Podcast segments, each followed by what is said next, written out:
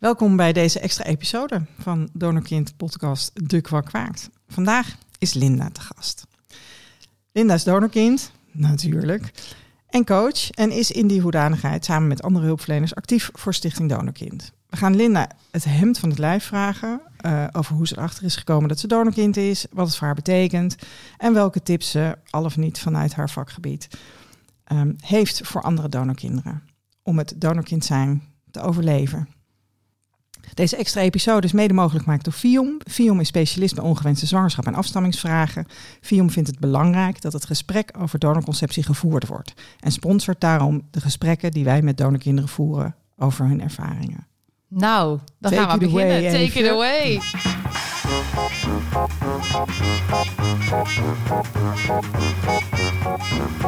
Welkom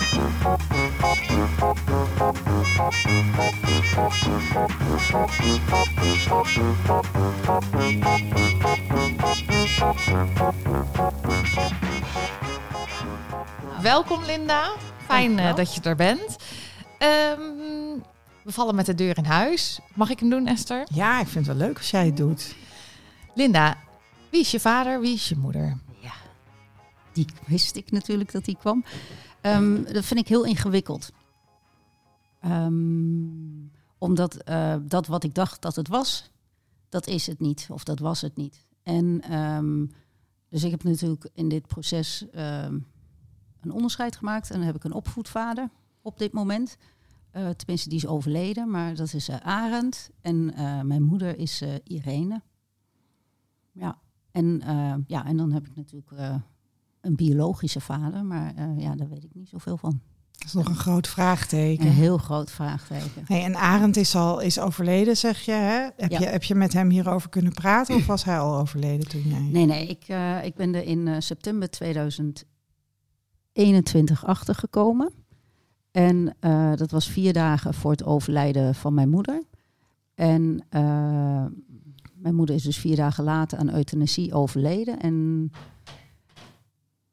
mijn vader was overleden in 2003. Dus ik heb dat niet. Uh, nee. En ik heb met mijn moeder in die vier dagen ook nergens meer over gesproken. Want heeft jouw moeder het jou verteld toen? Nou, eigenlijk was het uh, uh, jaren geleden al dat een tante um, een keer iets had gezegd. En toen heb ik mijn moeder daar ook uh, mee geconfronteerd. En die zei: Nee, dat is niet zo. Toen was mijn opvoedvader ook al overleden. Wat had die tante gezegd? Ja, die had gezegd dat wij dus dat onze vader onze vader niet was. Okay. En ja, toen heb ik het eigenlijk laten rusten. Want ik dacht toen ook van ja, pff, niet interessant. Mijn vader is gewoon mijn vader. Maar mijn zus, want ik heb dus ook nog een zus, die is ouder dan ik die, die was daar wel heel erg mee begaan. En toen mijn moeder in februari uh, 2021 uh, ziek werd, uh, toen was mijn zus ook ziek. en die hadden elkaar al heel lang niet gezien. En toen dacht ik, oh, nou moet ik dat wel gaan vragen. Want ik had wel zo'n gevoel dat mijn moeder zou gaan overlijden. En toen heb ik het in het hele proces een paar keer gevraagd. En eerst ontkende ze nog. En toen zaten we op de fase dat ze zei, nou, ja, misschien is dan een beetje van je vader en een beetje van een andere man. Maar ja. Dat kan niet. ja, maar vreemd genoeg ben ik daar toen ook niet verder op ingegaan. En totdat we uiteindelijk uh, die vier dagen voor het overlijden toch mijn zus uh, uh, zover hebben gekregen om toch nog langs te komen. Zodat mijn zus daar geen spijt van zou uh, krijgen als ze dat niet had gedaan. En toen zaten ze tegenover mij en toen dacht ik, oké, okay, nou, ik gooi hem er nog één keer in. En toen zei ik, joh mam, hoe zit het nou? En toen zei ze, ja, dat klopt, jullie zijn van een anonieme zaaddonor. Ja, en alleen mijn man heeft nog op de dag van overlijden, nog s'morgens, want die zat heel vaak s'morgens bij haar op de bank. En toen zei hij van, joh, Irene, hoe ging dat nou toen, hè? Van, kreeg je dan een lijst met allemaal dingen? Ja, en vertelde ze heel enthousiast, ja, ja, nee, je kon, uh, moest interviews en een lijst. En dan kon je opgeven welke haarkleur en allemaal uh, dat soort dingen. Dus uh, ja, en dat was het. En waar ben je gemaakt? Uh, in Amsterdam en waarschijnlijk bij Swaap. Okay. Want het was een vaderlijk type, zei mijn moeder. Oké. Okay. Ja. Okay. En toen had mijn zus bedacht dat dat dan Swaap moest zijn. Ja, want je had Swaap en Leefje. Ja. Want wanneer, wanneer ja. was dit? Ik ben uh, in juli 1970 geboren, dus ik ben 69 gemaakt. En mijn zus is in uh, drie jaar, dus die is in 67 gemaakt. Oké. Ja. En Linda, jij zei van dat die tante vertelde dat. geloofde jij het verhaal van die tante? Uh, nou, uh, Nee, nou, nee, dat is een beetje, ja, nee. Ik heb, ja, geloven. Ik, nee, ik had eigenlijk zoiets van, ja, nee, het, kwam helemaal niet binnen bij mij. En mijn zus, die, uh, ja, die maakte dingen voor mijn gevoel altijd wat groter dan ze waren. Dus ik dacht, ja, nou, ja, nee. Ja. En toch ging je nog een paar keer aan je moeder vragen. En jouw moeder zei nee. En dan, maar dan geloofde je haar dus blijkbaar ook niet helemaal. Want je ging het dan weer vragen. Wat was dat dan? Nou ja, kijk, mijn moeder is wel uh, iemand die altijd heel erg in haar eigen waarheid geloofde. Ik heb het nooit echt liegen genoemd. Dus dat, dat was ik me wel bewust. Dat wat mijn moeder zei, dat dat niet altijd was wat het was. Uh, maar ik denk dat ik heel erg voor mijn zus uh, wilde zorgen. Omdat die daar, en het ging niet zo goed met haar. En dat ik dacht van nou, misschien helpt haar dat dan. Oh ja. Dat is ook wel, kunnen we dan gelijk, ook gelijk delen. Dat is mijn patroon. Vooral helpen voor de anderen en mensen met elkaar verbinden. En dat iedereen blij is met elkaar. En ondertussen natuurlijk mezelf vergeten. Ja, jezelf wegcijferen. Ja. Ja. ja. Wat gebeurde er toen je moeder dan eindelijk vertelde hoe het zat? Nou, ook eigenlijk niks. Ja, heel, heel bizar. Um, en, en ze overleed en toen nog niks. En toen ben ik uh, met vrienden, dus dat was 7 september. en toen ben ik volgens mij 6 oktober met vrienden uh, op vakantie gaan met vliegtuigen. Best wel een eindje vliegen. En uh, toen ben ik jullie podcast gaan luisteren en in het vliegtuig. En toen dacht ik van, oh wacht, maar dit is helemaal niet oké. En toen pas is het gaan, uh, gaan dat ik dacht van, ja, dit is niet goed. Zo. Ja. En, toen wat was dat dan? Wat jou, wat, ja. Weet je dat nog? Ja, er waren allemaal, allemaal ja, dat heb ik eigenlijk elke keer als ik jullie podcast luister. Laatst was het bijvoorbeeld op die achternaam. En dan ga ik ook denken van ja, goh, ja, ik ben, hè, ik heet dan Wes. Maar dat is van mijn opvoedvader. Dan heb ik helemaal niks.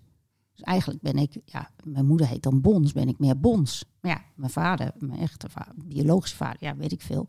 Maar dan ga je ook denken, dus het is een beetje dat er dan, er worden um, ja, dingen neergelegd waar je zelf nog nooit over nagedacht hebt. Zeker niet als je geen donorkind bent. En als je ze dan hoort, dan ga je denken, oh, ja, ja.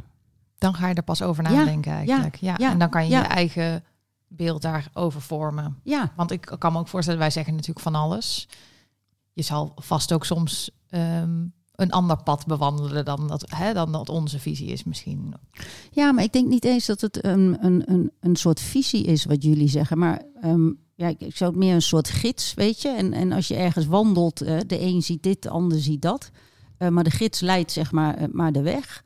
En um, um, ja, dus zo zie ik het een beetje eigenlijk. Ja.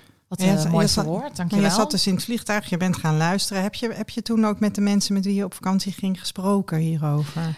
Ja, ja, dat is wel, wel interessant. Want ik, ik deed dus een, een opleiding in uh, Frankrijk, uh, die ik op dit moment aan het afronden ben. En dat is een beetje een psychodynamische opleiding. Hè? Dus uh, we worden opgeleid om in een organisatie dingen waar te nemen die niet ehm, uitgesproken worden, dus de onderstroom. Maar zeggen zij, heel terecht, maar dan moet je natuurlijk eerst jezelf kennen. Uh -huh. Want anders ga je dingen van jezelf waarnemen in die organisatie. Nou, en uh, een van de opdrachten, module 4, was volgens mij over de familie. Nou, dat vond ik echt de meest rotte uh, module die er was. En dan moest je een genogram maken. Ja. Nou ja, en toen had ik dat ook al wel, want het was natuurlijk latent toch wel dat ik het wist. Maar op een of manier was ik er toch ook weer niet mee bezig. Dus toen heb ik ook nog de vraag gesteld in die klas van ja, hè, is er ook een tekentje voor donorconceptie? Maar ja, dat uh, reageerde die man niet op.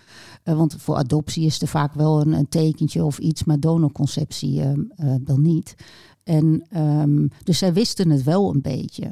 Maar ja, ik denk, weet je, mijn moeder was ook net overleden. Nog niet echt dat ze er heel erg. Ik denk dat mensen zich daar niet in kunnen leven. Weet je, ik heb ook alle standaard opmerkingen gehad van, uh, joh, maar je weet toch wie je vader is en die heeft je toch lief gehad en uh, je bent toch geweldig zoals je bent. En dat is allemaal heel goed bedoeld, -huh. maar het helpt niet zo op dat moment. Nee. En, en wat, uh, misschien kunnen we hier meteen een tip uithalen voor luisteraars die denken van, oh, maar wat helpt dan wel om op dat moment te zeggen? Um, nou, ik denk dat, dat als, je, als je echt, uh, en dat is dan communicatie 3.0 volgens mij, als je zegt van goh, ik, ik hoor wat je zegt, ik begrijp het niet zo goed, maar het lijkt me heel vervelend. Weet ja, je? of ingewikkeld. Ja, of, uh, want, ja, ja, want wat we vaak doen is dat we uh, één, we kleuren in, hè, we, we, vullen in wat we horen. als ik zeg het is mooi weer, Eh, dan denken jullie waarschijnlijk nu, oh, dat komt omdat de zon schijnt, want het is een hele zonnige dag. Maar volgens, voor hetzelfde geld vind ik het heel mooi, omdat het ijskoud is.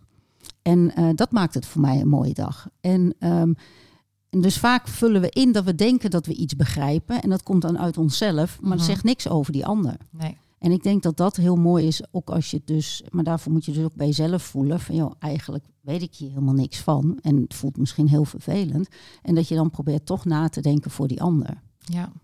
En daar dus dan zegt van, joh, ik, ik begrijp het niet, ik kan, kan me ook niet zo goed inleven, maar, hè, want je ziet ook, ik zie aan jou dat jij het heel, heel moeilijk hebt en dat het heel vervelend is. En dat vind ik weer vervelend. Ja. Maar dat is 3.0 hoor. Ben ik zelf ook nog niet zo goed in. Ja, nee, maar het is wel mooi. Ik moet een beetje denken ook aan het gesprek met Vera, hè, die ook, eh, dat was een paar episoden geleden, die als ze dan aan mensen vertelde, zelf alvast erbij zei dat het niet zo heel veel uitmaakt en dat ze een vader had. En weet je wel, dat je, Ja. dat je, dat je het zelf al weg gaat maken, zeg maar. Maar andere mensen hebben ook de neiging om het Ja. Ja. eigenlijk een beetje weg Ja. te maken met de beste bedoelingen. Ja. Ja, en dat is wel, wel grap, of grappig, maar ik ben dus nu een thesis aan het schrijven en die gaat dan over het onderwerp mentaliseren. En dat houdt dat eigenlijk ook in. En dat is eigenlijk dus bij jezelf eh, heel duidelijk weten wat er bij jou speelt, maar ook bij de ander ehm, proberen te achterhalen. En daarvoor moet je eigenlijk een niet wetende houding hebben en eh, actief luisteren, dus dat is open vragen stellen. Ja, en dan moet je ook nog kunnen waarnemen wat er tussen jullie gebeurt. Ja, en dat is, eh, ja, dat is heel, heel ingewikkeld, maar ook heel mooi. Want als je dat doet, dan voelt iemand zich heel gezien en, eh, en dan voel je ook verbondenheid. Hey, en, want op het moment dat jij het hoorde, jouw man heeft dus nog met je moeder gesproken. Heb jij, heb, heb jij kinderen? Ja, ik heb een eh, zoon, die is eh, nu 20, bijna 21. En heb je hem ook verteld hoe het zat meteen? Ja, ja, ja, ja zeker. Ja, nee, ik heb mijn zoon ehm, heel open opgevoed. En ehm, eh, ja, die, maar, die, maar die had ook zoiets van, ja, die, die, die, die konden ook niet zoveel mee. En het interessante is dat wij al sinds pff, 2016 of zo in een eh, in eh, My Heritage staan. Alle drie, want het leek ons hartstikke leuk, hè. Waar kom je vandaan, hè? Ja. Eh, Qua land en zo. Daar was ik toen nog in geïnteresseerd. Weet je wel, ben ik Scandinavisch of... Ja. eh. En wat was je? Nou, ik ben ja, ik ben Scandinavisch, maar ik heb ook wel heel interessant. Ik heb ehm, eh, eh, eh, Albanië of zo, daar ergens heb ik. En ik heb ook heel iets Aziatisch, maar per DNA-test verschilt dat wat ik heb. Ja. Ehm, Omdat maar, het ook een beetje met een korreltje zout moet je het nemen. Ja. hè? Het is niet heel Ja. specifieke wetenschap. nee, dus er, er staat niet echt iets heel spannends in. Ehm, eh, maar wat wel interessant is, is dat mijn zus een keer een neusoperatie heeft gehad. En toen had die neus, die, die arts had gezegd van ja, je hebt een, en ik weet nou niet meer of het nou het Midden-Oosten was, maar in ieder geval geen Europese neus hadden wij. Oké. Ja, dat, ja, ja, dat was heel. Ja. Ja, dus Ja. dat Aziatische, dat, dat klopt eh, dan waarschijnlijk wel ergens. Nou ja, dat is, dat is een heel flauw verhaaltje. Maar goed, ik ga sinds kort naar de Japanse kapper. En sindsdien. Zit je haar veel beter? ja, ja. Want vroeger was het altijd zo van. Ja, een Nederlandse kapper zei. Ah ja, nee, je hebt veel te zwaar haar. En allemaal niks mee te doen, niks mee te doen. En die Japanse kapper echt. eh, En toen dacht ik, oh, dat is misschien wel die 0,4% Aziatisch. Wat in mijn DNA Ik denk het wel. Het zit allemaal op je hoofd. dus. Ja, het allemaal. Ja, ja, ja. Nou ja, goed. Ja, met je zus in haar neus. eh, Ja, ja. Ik ja, was ook nog ja. benieuwd, Linda, maar moet je even kijken of je Ja. daar iets over wil zeggen? Want je zei dat stuk over familie vond je het, het allervervelendst bij, eh, bij die, eh, die eh, opleiding in Ja. Frankrijk. Ja. Ehm, maar ik ben toch wel benieuwd, eh, wat voor gezin kom je uit eigenlijk? Ja. Hoe is die Nou, familie? Nou, ehm, ik ben opgegroeid in het oosten van het land, in, eh, in Borne, een heel klein dorp. En eh, mijn moeder, van mijn moeders kant, die heeft dus een, broer en een zus. Mijn moeder is de oudste. En haar vader, dus mijn opa, heeft een, eh, een eh, bedrijf opgezet vroeger. Ehm, en ja, ik dacht eigenlijk dat dat mijn grootste issue was in mijn leven. Want dat was best wel wat om in een klein dorp, ja, de dochter van, ik werd ook altijd bij de achternaam van mijn moeder genoemd. En eh, maar mijn vader was ehm, ehm, uiteindelijk is hij leraar geweest op de MTS en die speelde muziek en eh, drums. Hij was een hele gezellige man, altijd met feesten en weet ik wat. En eh, ja, dus ik ben onderdeel van een familiebedrijf en dat is ook best wel een ding. hè. Want jouw vader werkte ook in het familiebedrijf. Nee, nee, nee. Mijn Oh. vader was eh, leraar. Oh, ja, ja, die was leraar op de MTS. En mijn moeder, ehm, eh, die werkte daar dan ook niet, maar we waren daar wel nou ja, eigenaar van. En dus dat had best wel een stempel. En dus in dat dorp kende ons ook iedereen. En eh, ik ben dus echt eh, op mijn zeventiende uit huis gegaan. Dan ben ik een jaar naar Amerika geweest, eh, zo'n high school jaar.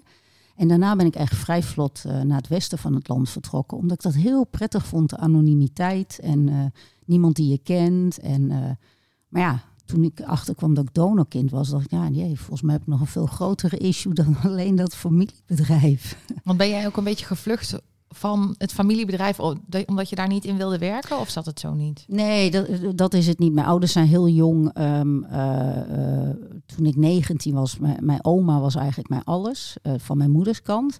En mijn ouders zijn toen, ehm, toen mijn oma overleed, hebben mijn ouders zeg maar het bedrijf van mij verkocht. En toen zijn zij weggegaan. Dus toen was ik op mijn negentiende alleen. En ja, dus dat verdient ook niet echt de schoonheidsprijs. Zo.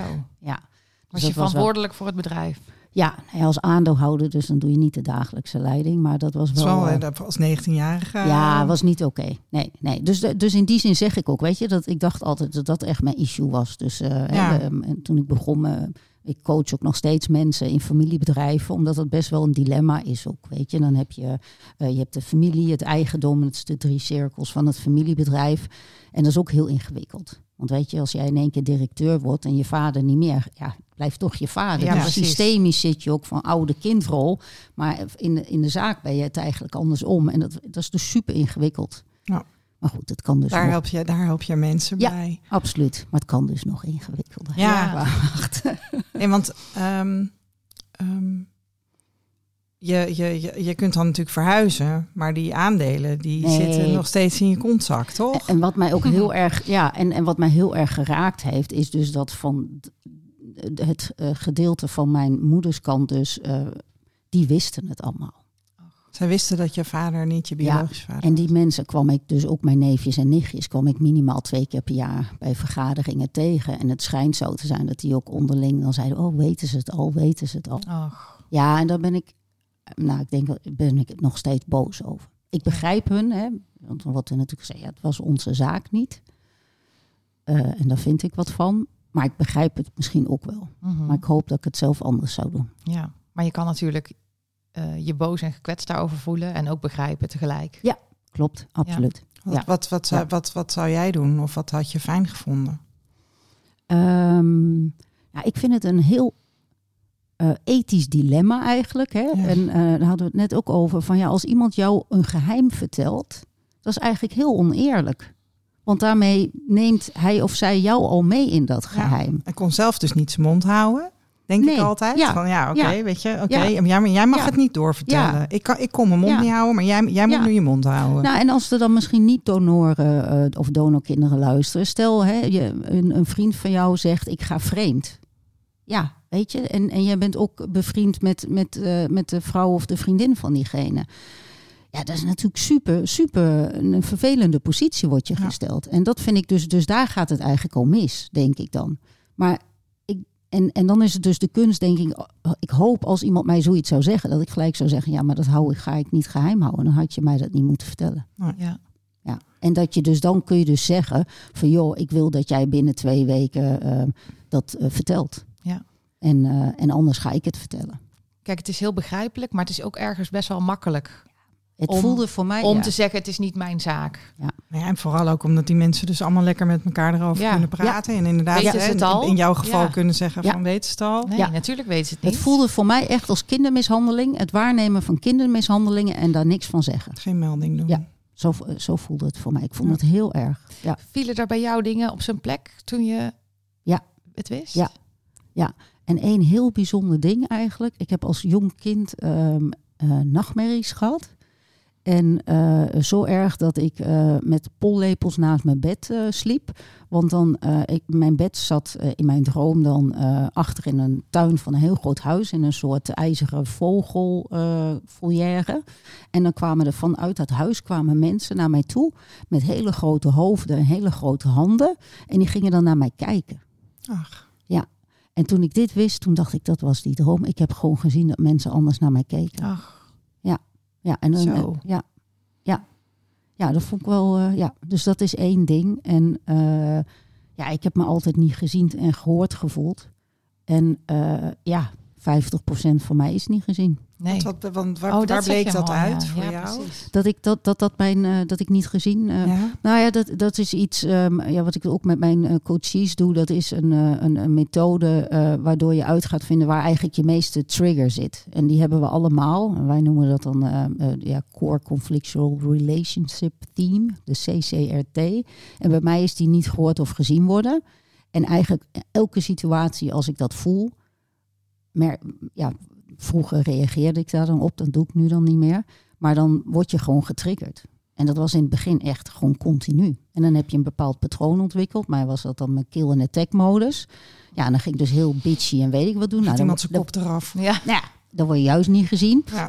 Dus het is ook zo'n vicieuze cirkel. Ja. Dat je dan een bepaald patroon ontwikkelt. Waardoor je juist net niet krijgt dat wat je wilt. Maar kun je een voorbeeld noemen ook van wat er dan gebeurde dat jij niet gezien werd? Wat, wat, kan je daar een voorbeeld Van- van, van vroeger Als- uit van thuis? vroeger, uit je jeugd? Ehm, nou ja, ehm, eh, ik, ik had rood haar en ik had een hele grote bril en ik had platvoeten. En eh, ik werd gepest op school. Ehm, ik, ik heb eigenlijk nooit gehad dat ik te- nooit het gevoel gehad dat ik erbij hoorde. Of dat ik, dat ik eh, ja, weet je, ik was altijd het lieve meisje. Dus ik was altijd stil. En eh, ja, weet je, dat, eh, ja. Dus je bent eigenlijk gewoon, je hebt het heel braaf uitgezeten. Ja. Nou, dat is precies. Ik heb ook altijd het gevoel als ik dan eh, zeg maar naar mezelf naar binnen, dat ik stil moet zitten en, en wachten. Het uitzitten. Ja, dat is echt mijn. eh, ja. Ja, en jij zei eerder eh, in het gesprek ook al hè, dat jij ehm, eigenlijk altijd voor anderen aan het zorgen bent en jezelf aan het wegcijferen bent. Ja, ja, het is vooral dat ik ehm, eh, in, in het gezin van herkomst heb ik het patroon ontwikkeld om eh, te verbinden. Ehm, wat mij ook heel veel gebracht heeft, want daardoor ben ik ook heel goed om in organisaties bijvoorbeeld waar te nemen wat speelt hier en dat soort dingen. Ehm, maar, maar ik heb daar, ja, ik doe dat dus overal in groepen, of tenminste, als ik me dat niet bewust ben, maar dat ben ik me nu wel. En dan cijfer je jezelf in die zin weg dat ik dus niet met mezelf bezig ben. Nee. En ik ben dus alleen maar bezig om die anderen met elkaar in contact te brengen Ja. en allemaal dingen te doen. Maar wat ik daar zelf op dat moment bij voel, eh, dat, dat vind ik best wel, dat vind ik nog steeds ook wel ingewikkeld hoor. Om echt te, te voelen van ja, wat voel ik je nou? Want daarvoor Ja. moet je vertragen. En eh, ja, dat doen we allemaal niet zo hè, tegenwoordig. Nee, nee, nee, nee, dat is heel moeilijk. Heel Ja. herkenbaar. Ja. eh, Nou, waar ik benieuwd naar ben, hè, is dat je zegt van ik, heb, ik, ik had rood haar. Is dat iets wat in de familie van je moeder voorkwam? Nou, dat, dat, is, dat is wel. ehm, ehm, ik heb dus twee nichten, hè, van zowel van de broer als de zus van mijn moeder. En die hebben ook rood haar. Dus in die zin viel het niet zo op. Maar die hebben allemaal een beetje dat bruine rode haar. Ja. En ik heb dus goudrood haar.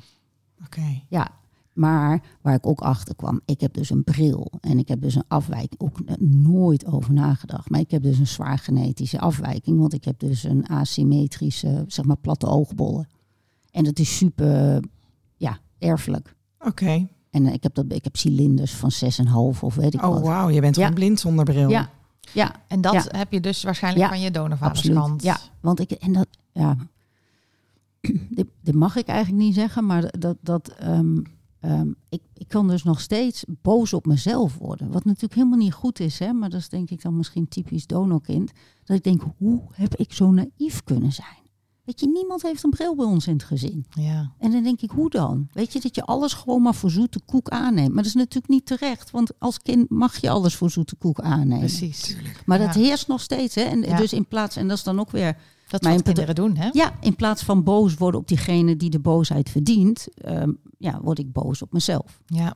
En daarom heb ik ook een ehm, auto-immuunziekte eh, ontwikkeld. Oh ja. Ik geloof daarin dat dat, dat dus, ehm, ja, dat je daardoor, eh, ja, dus ik heb eh, ziekte van Crohn en reuma. Zo hé. Ja. Ja. Ja. En geloof je dan in, als je dat kan ontwikkelen, dat je daar ook weer van af kan komen? Eh, ja, ik, ik, ik, Door zelfontwikkeling? Ja. Absoluut, ja. Er is een heel mooi boek van eh, Gabor Maté. eh, dus als je lichaam nee zegt. En er zijn ook echt met onderzoeken, hè, want dat vinden vooral de medische mensen heel erg van belang. Ja, ik denk echt dat ehm, doordat je niet veilig gehecht bent, dat er toch dingen ja, veranderen en waardoor je dit soort dingen ontwikkelt. Ja. En ook gewoon het internaliseren, wat ik dus doe, dat ik mezelf dus ga slaan in plaats van. Ja. ehm, en, en dat is weer, heeft dan weer ja, te maken met ruimte voor jezelf innemen. Weet je, hoeveel recht op plek heb ik ja. in dit leven? Ja, en jij zei ook iets over ehm, dat je dacht dat het misschien een beetje donorkind eigen was. En ik vond net ook dat jij heel mooi zei van, maar 50% van mij is ook niet gezien. Ja. Om de, omdat, ik nee, vul dan in dat je bedoelt, omdat de onbekende vader, zeg maar, Ja. de onbekende Ja. biologische vader, Ja. niet in beeld Ja. was. Ja, dat is, dat is dan, eh, berust ik dan een beetje op het eh, systemische werk. Hè? En eh eh, El Stein heeft daar een heel mooi boek van geschreven, De Fontein. Hè? Dus die zegt van ja, we zijn een fontein. Dus eh, bovenin staan de ouders. En dan, dan het water gaat dan naar beneden naar de volgende bak. Daar sta jij dan in. En daaronder staan mijn kinderen weer. En, ehm, maar als die ene ouder, want daar staan alleen maar je biologische ouders in. Kijk, en mijn vader stond daar nooit in. Dus ik heb ook nooit de energie die daarvan komt, heb ik ook nooit gehad. Dus ik heb gewoon letterlijk de helft maar gekregen van eh, ja, waar ik eigenlijk recht op heb. Ja, waar je Ja. uit zou kunnen putten. Ja.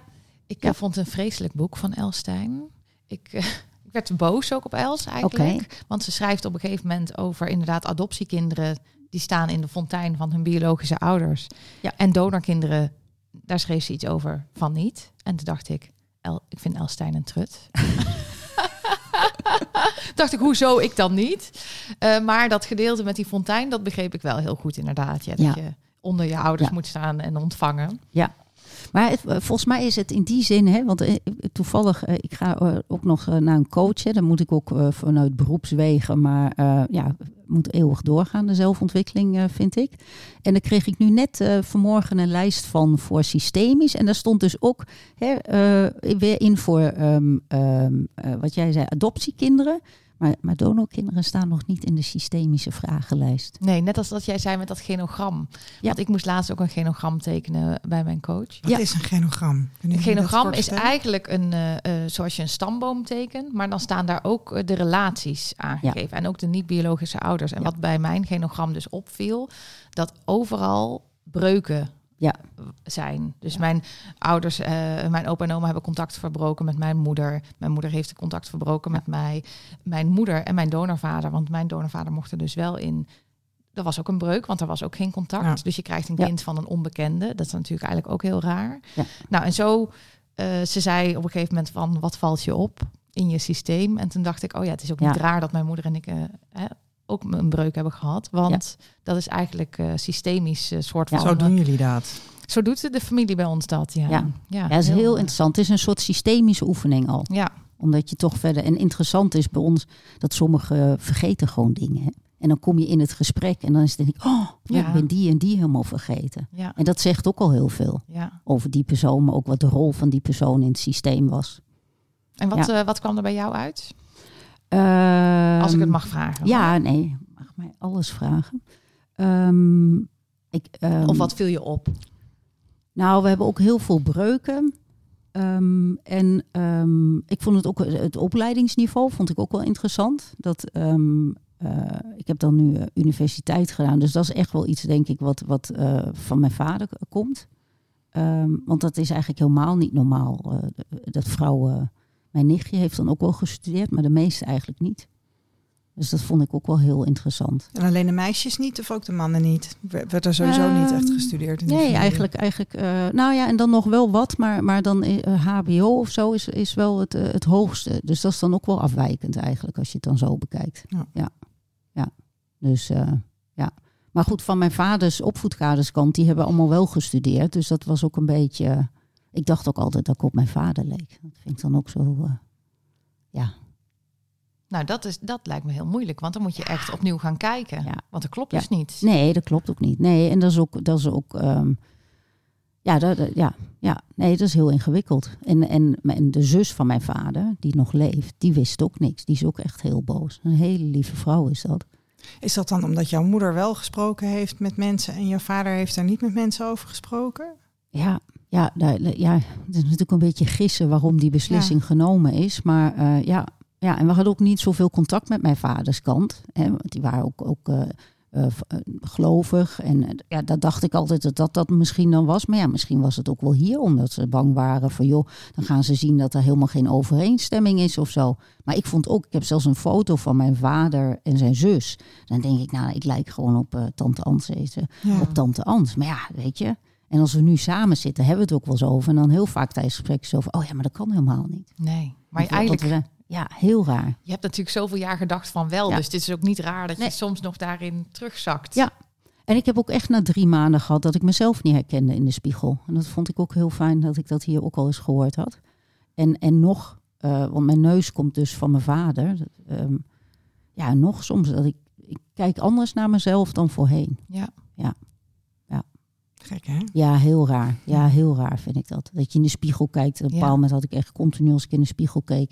Ja, dat ik het gewoon niet thuis kon brengen. Nee, en dit is ook weer zoiets waarvan ik begrijp dat niet donorkinderen. Dit, dit, dit bedenk je niet. Want Nee. je denkt, ja, maar je weet toch Ja. gewoon hoe je Ja. eruit ziet als je in de spiegel nee, kijkt. Dit is iets wat dat gebeurt. Ja. Ja. Ja. Ik kan dat ook nog steeds hebben hoor. Dat ik, dat ik of een foto van mezelf zie en dat ik dan trekken zie waarvan ik denk van... Hè? Ja. Ja. Heel bijzonder, hè? Had je, heb jij toen je, toen je hierachter kwam, toen je dat in dat vliegtuig had gezeten en, en, en die vervelende Ja. eh, lessen over familie eh, had bijgewoond. w- Wat was het moment waarop jij dacht van ik wil meer weten? Ik ga dit uitzoeken. Ehm, nou, volgens mij, want volgens mij hebben wij contact gehad. Dat is volgens mij best al wel vlot geweest ergens in oktober. Volgens mij hebben we al eerder, voordat ik wegging, eh, contact gehad. En eerst zou mijn zus daar wat mee doen. En toen merkte ik dat mijn zus dat er niet bij kon hebben. En toen dacht ik van ja, dat ga ik gewoon doen. Ging je het voor haar doen? Nee, nee, nee, nee, nee, nee, nu was het anders. Ja, ja. En, en, ehm, ehm, en, en toen wilde jij mij helpen. En toen zei je van ja, maar dan moet je zelf ook wat doen. Nou, en dat gaf mijn zoon eh, eh, eh, Stress. ja, stress. En toen heb ik het bij Els neergelegd. Oh ja. Ja, want jij had, Ja, als ik me goed herinner, Ja. had jij een hoge match. Ja, eentje. En daar, en daar twijfelen we van 360. En daar twijfelen we nu van of die niet toch van mijn moeders kant is. Oké. Ja, en daar zitten we dus nu vast. Precies, want jij weet, hè, dat hoor ik al een beetje aan de manier waarop jij vertelt, maar Ja. jij weet dus nog niet wie jouw donorvader is. Nee, Jouw nee, biologische vader Nee, noem jij nee. het. Hè? En, ja. ja. Ja, en ik heb dus ehm, eh, ja, eh, wel die ene hoge match. En die, die, die antwoordt nu ook niet meer. Eh, ik had nog wel een oom van hem, heel leuk. Want ik dacht, nou, hij is het hè, ook geweest. Die woont vlakbij mij. En eh, ehm, eh, ja, weet je, eh, denk, nou, een leuke familie ontmoet. Maar toen bleek ik dus van zijn moederskant te zijn. En dit was een oom van vaderskant. Eh, ja, en hij reageert nou niet meer. Hmm. Ehm, eh, ja, dus ik- want we hebben hem gevraagd, want ik heb met hem een match in 23andMe. En we hebben hem nu gevraagd of hij wil uploaden naar MyHeritage. Maar daar, ja, Ja, dat je ook de connectie met andere Ja. matches weer Ja. kunt bekijken. Ja. ja, ja, ja. Dus ik, Spannend. ja, dus de uitdaging is nu iemand van moederskant eh, te krijgen die eh, in eh 23andMe gaat zitten en dan kijken wat de match daar is en dan uploaden. Ja. Nee, want dat is wel het verschil inderdaad van Els, die neemt je alles uit handen. Hè? Je, Ja. je hebt Els Lijst ingeschakeld. Ja. En ehm, eh, wat we met Stichting Donorkind doen, is dat we samen gaan zoeken. Daar, daar hebben we ook echt een Ja. methode voor Ja. dat je zelf contact opneemt met matches. Ja. En ehm, Ja. ehm, ja, dat je samen, samen daaraan gaat werken. Ja, En- ik denk, ja, is ook wel heel leuk, denk ik. Maar ik, ik kon het er gewoon niet bij hebben op dat moment. Nee, Ja. nee. Maar wie weet wat de toekomst brengt. Ja, nee, maar goed, het, Ja. het is ook net waar je behoefte aan hebt hè, en waar je staat in je zoektocht. En sowieso, die zoektochten die gaan in een golfbeweging. Dus eh, En je, weet het ziet nog ook. best wel kort. Ik vind het heel, Toch? lang, ik vind het heel lang duren. Oh. Vreselijk. Ja, Ja, en dat was, was een van jullie laatste was ook iemand die had het binnen een paar maanden of zo. Nou, Ja. dan zit ik echt te ja, luisteren, dat was, denk dat ik. was Kelly. Ja. Dat was echt, die, die, wist het in. Ah. Nou ja, in, in, Ja. wat was het? In, in, in de zomer had ze het Ja. gehoord en in oktober hadden we hem. Ik ja. vind het echt vreselijk. Denk, Ja. Ja, dat snap ik. En het loopt rond van. ergens. Ja, word ik Ja. jaloers Nou ja, van. als het goed ik. is, loopt Ja. het nog. Hè? Want dat is Ja. natuurlijk ook. Je weet niet wat je vindt. En of, Nee. en, of en, be- bedoel, je bent ook al eh, een dame Ja, van middelbare 52. leeftijd. 52. Ja. Ja, dus ja. Nee, is- ja, en voor hetzelfde geld was mijn eh, biologische donorvader enigs kind en houdt het daarna op, weet je. Dus dan zou je nog neefjes, nichtjes of zo. Of, eh, ja, weet, Mhm. dat, dat weet Ja. je allemaal niet, hè? Ja. Ja, ja dus ja. Geen idee. spannend. Ja. Vind En jij vindt het dus heel lang duren. Ja, ik vind het heel lang. je kan niet wachten eigenlijk tot je het weet. Nee, Nee, nee, nee, ik zou het wel heel graag. Ik zou, ehm, ja, als ik dan in de podcast die, eh, eh, die, die ontmoetingen hoor. Mhm. Oh, dan denk ik dat lijkt me zo leuk, weet je, dat je dan bepaalde dingen herkent. En eh, ja, en, nog niet eens puur voor de herkenning. Weet je, ik zit niet eens te denken aan of er dan een relatie komt of niet. Maar gewoon dat je een stukje van jezelf herkent. Je wil gewoon ja. die man met die, met die neus en die Ja, platte ja, oogbollen. Ja, ja, die. En, ja. Maar ik snap ook, verder kan Ja. je nog bijna niet denken. Hè? Want tenminste, dat herken ik wel. Dat in je zoektocht, dan ben je aan het zoeken. En dan ja, was ook het verste wat ik kon denken van... nou, dan straks heb ik misschien een foto of zo. Maar ja, als je dan weet wie het is, dan Dan wil je steeds meer. wilde, wilde ik toch iets meer, inderdaad. Maar eh, Ja. ja. Nou ja, eerst maar eens vinden Ja. natuurlijk. Nou ja, weet je, en, en ehm, want ik moet dan nu denken aan mijn zoon, maar die, die weet ook wel, stel dat hij echt serieus wordt met een vriendinnetje, dat zij moet testen. Ja, weet je, precies. en dat zijn ook natuurlijk. Ja, en dat is natuurlijk heel bizar, hè?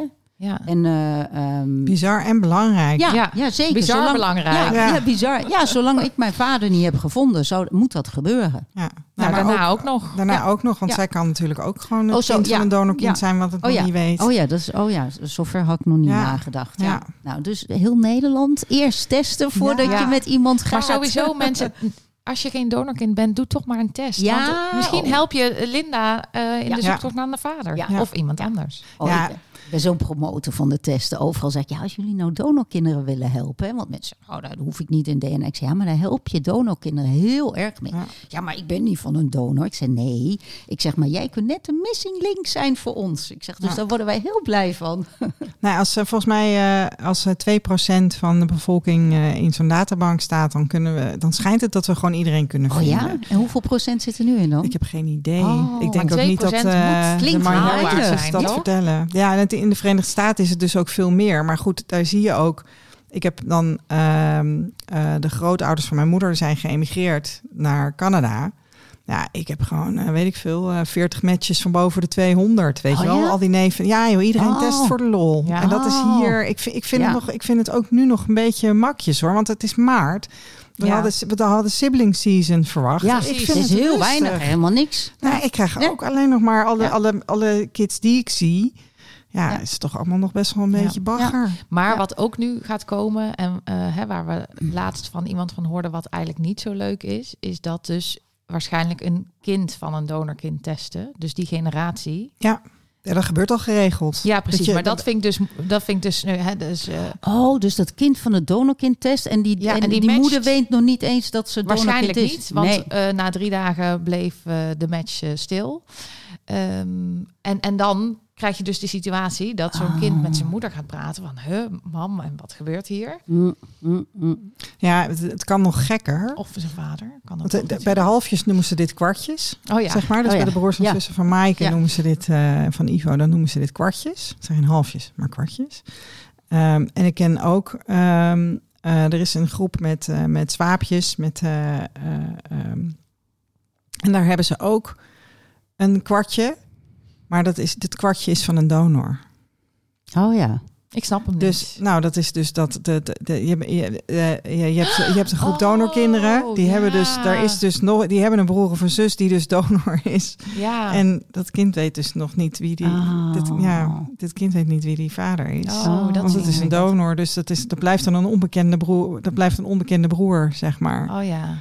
Ja. Oh, ik Ja. had wel een beetje de hoop op kwartjes eh, eh, gegooid. Want dan denk ik, oh weet je, Ja. die oude generatie denkt, oh, DNA. En dat die jongeren dan denken, oh leuk, weet je. En dan, eh, Ja, dat is het leuke eraan. Dus eh, daarin gaan we misschien eh, hè, op tot, eh, tot eh, eh, dat we stambomen kunnen gaan eh, Ja. volmaken en, en tot matches komen. Ja. Alleen voor die kinderen is het natuurlijk wel heel ingewikkeld. maar wat maakt het meer ingewikkeld voor die kinderen dan voor mij? Ehm, nou, zij moeten. Zij, zij, zij zijn eigenlijk de, dan de, de, de sleutel in een soort ehm Zij moeten hun ouders familiegeheim. Zij moeten hun informeren. ouders informeren over iets wat Ja. die ouders Ja. dan waarschijnlijk Ook, nog ook niet weten. weten. Dat lijkt me gewoon een heel vervelende Ja. rol. Ja. Nee, Ah. en kijk, ehm, Ja, ik, heb er niet, ik merk dat ik er niet zoveel eh Nee, empathie helemaal mee geen... Nee, en dat mag ook. Ik vind dat voor, voor Ja. die kinderen vervelend. Daarom denk ik, eh, Ja. ouders moeten het allemaal vertellen aan hun kinderen. Zodat... Ja, maar als die ouderen het ook niet weten, dan kan het natuurlijk Nee, ook maar nog, dit, en dit is dus waarom opa's en oma's Ja. met hun kinderen Ja. moeten Ja, praten. Precies. waarom Ja, de, mensen die gebruik hebben Ja. gemaakt van een donor Ja. met hun kind moeten praten? Want niet alleen dat kind kan dus in zo'n positie gebracht worden waarin het toch erachter komt dat het Ja. donorkind is, maar je, ook Ja. je kleinkinderen Ja. kunnen Ja. voor de lol een En Linda, die vindt het allemaal niet zo'n probleem. Maar ik zou zeggen, zorg gewoon dat die kleinkinderen daar niet mee hoeven te dealen. Ja. Ja. En kleinkinderen Nee, allemaal daar, ben wel ik, daar testen. sluit ik me helemaal bij aan. Ja. Weet je, als die, als die generatie die het weet, nou gewoon naar buiten Ja. komt, dan Ja. hoeft dat leed daaronder is dan allemaal in ieder geval. eh, En je wilt gewoon kijken, want jij hebt het net nog van je eigen moeder gehoord. Maar Ja. goed, je hebt eigenlijk niet helemaal de ruimte nog gehad om haar de vragen te stellen nee, die je misschien die Ja. later toch nog in je op zijn Ja, gekomen. absoluut. En misschien Ja. was het ook nog wel fijn geweest om hier met je vader over te spreken. Nou, weet je, ik denk, en dat is dan, ehm, ik denk dat het een gemiste kans is ook, weet je. Want ehm, ik denk dat ik bepaald gedrag van mijn vader en misschien ook van mijn moeder veel beter had kunnen begrijpen. Want je maakt mij niet wijs, als jij dus kiest voor een donor, dat doet iets met die vaders, hè, Ja. zoals mijn vader dan. Ehm, ehm, dat doet iets met die moeder, dat doet iets met hun relatie. Dus weet je, het is ook een soort geschenk wat je aan jezelf geeft, als je het wel gewoon open, Ja, ja, ja. ja. dat geloof ik Ja. ook. En, eh, want daar gaat, ik denk dat daar ook heel veel leed is bij, bij eh, dus, eh, wensouders in die zin, die Ja, het geheim eh, Ja. houden. En zeker omdat zij ehm, waarschijnlijk, hè, even invullen, ehm, niet de tijd hebben genomen om te verwerken dat ze geen kinderen konden krijgen op de natuurlijke manier zoals ze graag gewild hadden. Hè, met beide biologische ouders, dat zij beide biologische ouders zouden zijn. Ja. Volgens mij is dat heel verdrietig. Ja.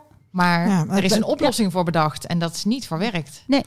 Maar ook, ook, ook ehm, ehm, ja, daar zou eens met, met, met dat soort mannen moeten praten. Maar de onzekerheid die je, stel even mijn vader als voorbeeld te nemen, de onzekerheid die hij misschien heeft gevoeld. Eh, en de angst van, oh, als ze het weet, dan hou ik niet meer van hem. Of ja, ik, Mhm. weet je, ik kan er van Mhm. alles van bedenken wat hij dan. En dat is ook best heftig. Zeker. Ja, En- dan gun je iemand ook helemaal niet. Nee, nee, Nee. Weet je, en ik denk als ik het had geweten, dat onze band eigenlijk alleen maar sterker was geworden. Ja, Omdat nu, je dan nu nu- stond er iets tussen. Ja, ja, ja, heel duidelijk. Ja, ja. En dat je dan ook Ja. begrip voor elkaar kunt, weet je. En dan, eh, hè, mijn vader, die, eh, als ik nu terugdenk, denk ik, oh, die man heeft echt van mij gehouden, want die heeft zoveel dingen gedaan. Ehm, en, en dan nu wetende dat hij eigenlijk mijn vader niet is, ja, nou, dat vind ik wel heel knap ook eigenlijk. Nou, Want ik denk toch dat dat zeker. anders voelt, anders is. Ja, alleen zal hij nooit de vergelijking hebben kunnen maken. Hè? Hij had alleen maar jou en je zus. Ja. Dus het is niet dat Nee. hij, dat hij dat Nee, hij drie denk- andere kinderen had die Nee. wel uit zijn zaad ontsproten waren. En dat hij dan kon merken van, oh, maar dat is toch anders dan... eh, Nee, maar ik denk wel elke keer, kan ik me dan zo voorstellen, dat je naar het kind kijkt. Dat je misschien toch elke keer ook wordt getriggerd, misschien onbewust ook, dat dat niet jouw kind is. En dat jij dus Ja. eh, geen fan bent, want je, je kunt dat niet. Of eh, Mhm. je hebt gefaald, of eh, whatever de reden is. Ik denk Ik wel, dit was dit natuurlijk af. eh, de generatie eh, eh, koning en koninginnen wegstoppen. Ja. Dus het is de vraag of hij dat heel bewust zo heeft ervaren. ik, hè? vraag me, ik vraag het me wel af hoor. Want, maar dit zijn ook gesprekken die we denk ik nooit zullen kunnen voeren. Want op het moment, ik, ik, ehm, op het moment dat je eh, met vaders praat, als je ze al te spreken krijgt, dan zijn ze natuurlijk ook gewoon, zitten ze ook in hun rol. En ze, je kan natuurlijk niet. Ik denk dat het heel moeilijk is om te zeggen van nee, ik heb het inderdaad heel moeilijk gevonden altijd als ik dat kind Ja. zag. Of als ze, als ze bepaald, hè, nou, als ik Ja. Linda eh, bepaald gedrag zag eh, vertonen, Ja. dacht ik, oh nou, nou, dat heeft ze niet van mij, weet je. Nee, dus nee, dat je, dat je dat, maar dat, dat gesprek, Ik denk dat zou ik heel graag gevoeld hebben. ja, Want ik kan me zo voorstellen, wat jij nu net zegt, hè, denk ik, dat moet toch zo zijn. Als je, hè, je hebt vader, moeder, hè, of dan, en dan zie je dat kind iets doen, Ja. waarvan jullie weten dat het kind dus niet van vader is. En je weet van, oké, dit gedrag komt helemaal niet van Nee. moeder. Dat, en, en dat is denk ik ook wat ik gevoeld heb. Dat je dan toch kijkt van, ja, jeetje. Wie is ja, en kind? toch ook, hè, Ja, als je kijkt naar de, de jaren zeventig waarin wij dan gemaakt zijn, zeg maar. De overtuiging was toen wel dat, dat, dat, dat nature eigenlijk gewoon een ondergeschikte rol speelde. Dat Ja. vooral om nurture ging. Dus, Ja. dus misschien hebben zij dat ook wel geloofd. En hebben zij. Maar, Maar ja, dat, dat Ja. komen we dus niet achter. Nee, nee en, en, en dan hebben we het over het cognitieve wat je kunt bedenken. Maar ik ben ervan overtuigd dat ook een heel groot onderbewustzijn is. Dus ook al hè, eh, zeggen Ja. we van ja, dat willen we niet, dat, dat gaat toch zijn pad. Dus er zijn wel dingen die dan toch spelen. Ja. Hè, en eh, ja, d- dat, daar geloof ik wel in. Ja, dat, idee heb ik dus ook. En ik, ik, ik denk zelf wel eens over van ik zou dat. Ik denk dat ik dat gesprek wel met mijn vader zou kunnen voeren. Maar dat is omdat we dus op dit moment geen relatie hebben. Dus hij- Ja. weet je, dus dan is het. Maar ja, dat betekent dat ik dan dus contact op moet nemen en dat doe ik niet. Ja. Dus dat gesprek wordt Ja. nog niet gevoerd. Maar nee. Nee. maar goed, als je bijvoorbeeld. Hè, we hebben mijn zus Lisette hebben we hier gehad. Mhm. die heeft een hele liefdevolle relatie met haar, met, met, met, met haar vader. Eh, eh, nou ja, praten er eigenlijk maar niet over. Ook eh, uit Ja. angst om hem, Ja. hem verdriet te doen. Ehm, ja, dan krijg je dus nooit dat gesprek. Nee, en dat is zo jammer. Ik, ik moet denken, ik heb, ehm, ehm, ja, het is ook een heel raar verhaal eigenlijk, maar op een bepaald moment ook tussen het ontdekken en nu, ehm, eh, volgens mij was het eh, vorig jaar of zo, ben ik naar zo'n, ook voor mijn reuma, zo'n ehm, ehm, vaste kliniek geweest. En dan kun je ook met een psycholoog praten. Ik denk, nou, hupsakee, doe ik. Nou, Ja. ja. of all, hè. Had ik, het is een hele aardige vrouw, Lisa heet ze. En die had dus drie donorkinderen. Oh, natuurlijk. Zo ja. even op wat knoppen dat- drukken bij jou. Maar goed, een psycholoog, hè, als je Ja. volgens de oude stempel bij opgaat, mag je niks delen. Dus was een Duitse psycholoog. Oh, al- al dan mag je helemaal niks Nee. delen. En, en, maar en een van haar dochters was dus van Louis. Ehm, maar ehm, om, om aan te geven, ehm, ja, toen gingen wij dus, dus zij begreep waar het over ging. Hè. Dat was wel heel interessant voor haar natuurlijk ook, want ik had er natuurlijk issues mee, tenminste. Hè. Mhm. En toen hebben we een opstelling gedaan en dat was heel interessant.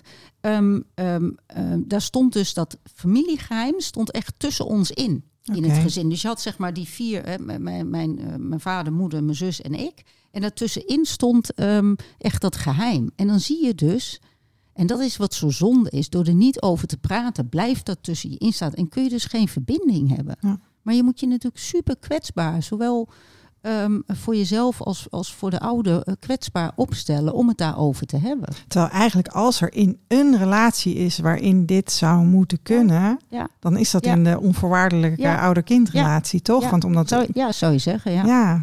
als het ergens kan, dan is het hier.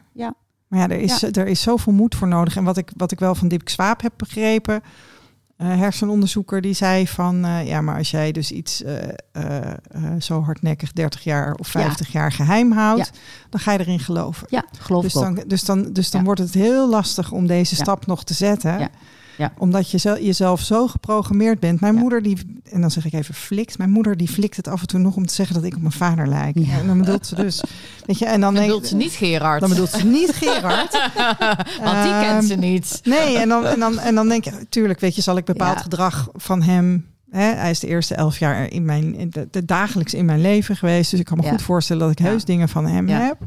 Ja. Ehm, maar ja, kom op nou. Dat Ja. is echt, dat, zit, dat geloof zit dus zo diep. Ik, weet- ik Ja. weet, ik heb met die man op de rand van het bed gezeten als kind. Van ja, pap, ik heb jouw voeten. Ja, ja, erg hè. Ja, ik vind Ja, maar je dan- wil het dus ook, Ja, hè? Maar wat moet het, dat ja. met die man gedaan hebben? Ja. Je wilt het, maar ik, Ja. mijn voeten leken gewoon meer, denk ik, op die van hem dan op die van Ja. mijn moeder. Of je moest kiezen, dan... Ja, nou ja, zo. Ja, Ja. nou ja, nee, maar maar dat je- zijn dus van die momenten, Esther. Dan, moet, dan gebeurt er toch iets bij zo'n man. ja, dat denk ik wel. Dat, en dat, hebben, dat heeft elke ouder, denk ik, met zijn kind momenten dat je er toch mee geconfronteerd wordt. En dan wo- kun je daar dus niks mee. Dat denk Nee, ik dat- ook. Die momenten moeten er zijn. Ja. Dat kan niet anders. Ja. Het zou fijn zijn als, als, als eh, mensen die nog met hun kind moeten praten en dit horen, de volgende keer dat ze zo'n moment hebben, Ja, dat na- aangrijpen. Ja. Schat, Ja. ik moet je iets vertellen. En ik denk ook dat wij als mens eh pijnmijdend zijn. Hè? Mhm. En daarom dus ook graag geloven wat, wat dan niet zo is, omdat we dan Ja. niet naar die pijn hoeven. Ja. Want daar zijn we natuurlijk een ster in. Ja. Dus Ja, Terwijl- ja. Terwijl je het daarmee dus ook niet op, op kan lossen. Nee. nee. Nee, nee want dat, dat is wel heel duidelijk. Tenminste, de, de, de, de, ehm, pijn en emotie, ehm, ben ik voor overtuigd, die moet je er gewoon laten zijn. En dat is dan, eh, ja, ik ben helemaal Ja. eh, verzot op de acceptance and commitment theory. Eh, een soort coachopleiding hebben we hier. Maar dat is, ACT wordt dat ook wel genoemd. En die gaat daar heel, van Russ Harris. En die gaat daar heel mooi in, op in dat je er moet laten zijn. En die zegt dan, zeg maar, die vergelijkt het met een soort sushi-band. Zegt hij, en daar liggen dus ook dingen op die je helemaal niet lekker vindt. Dus pijnlijke emoties. Maar als je ze er laat zijn, weet je, die band draait door. Dus Ja. ze gaan dan ook weer weg. En als Ja. je ze niet wilt hebben, dan druk je ze als een bal onder water. En dan gaat daar heel veel energie naartoe. En dat is dus, en dat is niet makkelijk, maar het is wel heel, heel, eh, ja, het werkt heel fantastisch eigenlijk. Ik geloof hier wel in. Alleen ik heb de cursus nog niet afgemaakt. Dus ik ben nog niet zo goed in. Ik, ik schijn ook iets van twintig ballen onder water te willen houden of zo. Dus, inderdaad, eentjes vermoeiend. Maar misschien maar kunnen we 20. bij Linda op cursus. Want Ja, die kan het ik, al. ik ken de theorie heel goed. Ja, ja, ja, ja, ja. ik ben vooral van de theorie. Nou, dat, is, dat, is misschien wel goed om even te melden. Er staat op de website van Stichting Donorkind staat een link met eh, een aantal eh, hulpverleners daarin Ja. die eh, zelf ook donorkind zijn. Eh, omdat we als donorkinderen ook wel eh, eh, minder goede ervaringen hebben in het reguliere circuit. Hè? Dat je Ja. eerst Mhm. je therapeut moet opleiden Ja. in afstammingskwesties voordat je aan de slag kan. Ja. Nou, om dat nou te voorkomen, eh, hebben een aantal van jullie hebben je verenigd. Ja, klopt. Die gegevens, die link, die gaan we delen in de, show- in de show notes. dat mensen jou ook kunnen vinden. Ja. Ehm, maar ook eh, de andere, jou, jouw collega's, zeg maar. Want Ja. jullie zitten verspreid over het hele land. Klopt. Met allemaal onze eigen eh, specialiteiten van, van coachen. We hebben ook een paardencoach, maar we hebben ook psychologen. En, eh, ja, en wij, wij hopen ehm, met dat initiatief dus ehm, ja, iets te kunnen bieden aan de donorkinderen. Ja. Ja. En we komen ook op de site van de Stichting FIOM. Ja. En ja, ik denk dat het, Heel mooie ontwikkeling Ja, vind ik dat. ja, ik denk dat het heel Want belangrijk best wel een is. zoektocht geweest. En elke keer eh, toch weer Ja. spannend om dan met een therapeut of een coach of iemand te delen. Ja. Ik heb toevallig, ik heb nu dan ook coaching. En eh, die vrouw oh, die geeft mijn eh, biologische vader zo'n mooie plek de hele tijd. Ik, ik- en dan hoef ik dus niet om te vragen. En die- zij geeft die plek. En dan zeg ik ook tegen haar: Ik zeg, ik vind het zo fijn dat eh, jij hem gewoon meteen mijn biologische vader noemt. Ja. En, eh, en dan legt ze hem bijvoorbeeld ook neer hè, bij zo'n familieopstelling met papiertjes, deden we op de grond.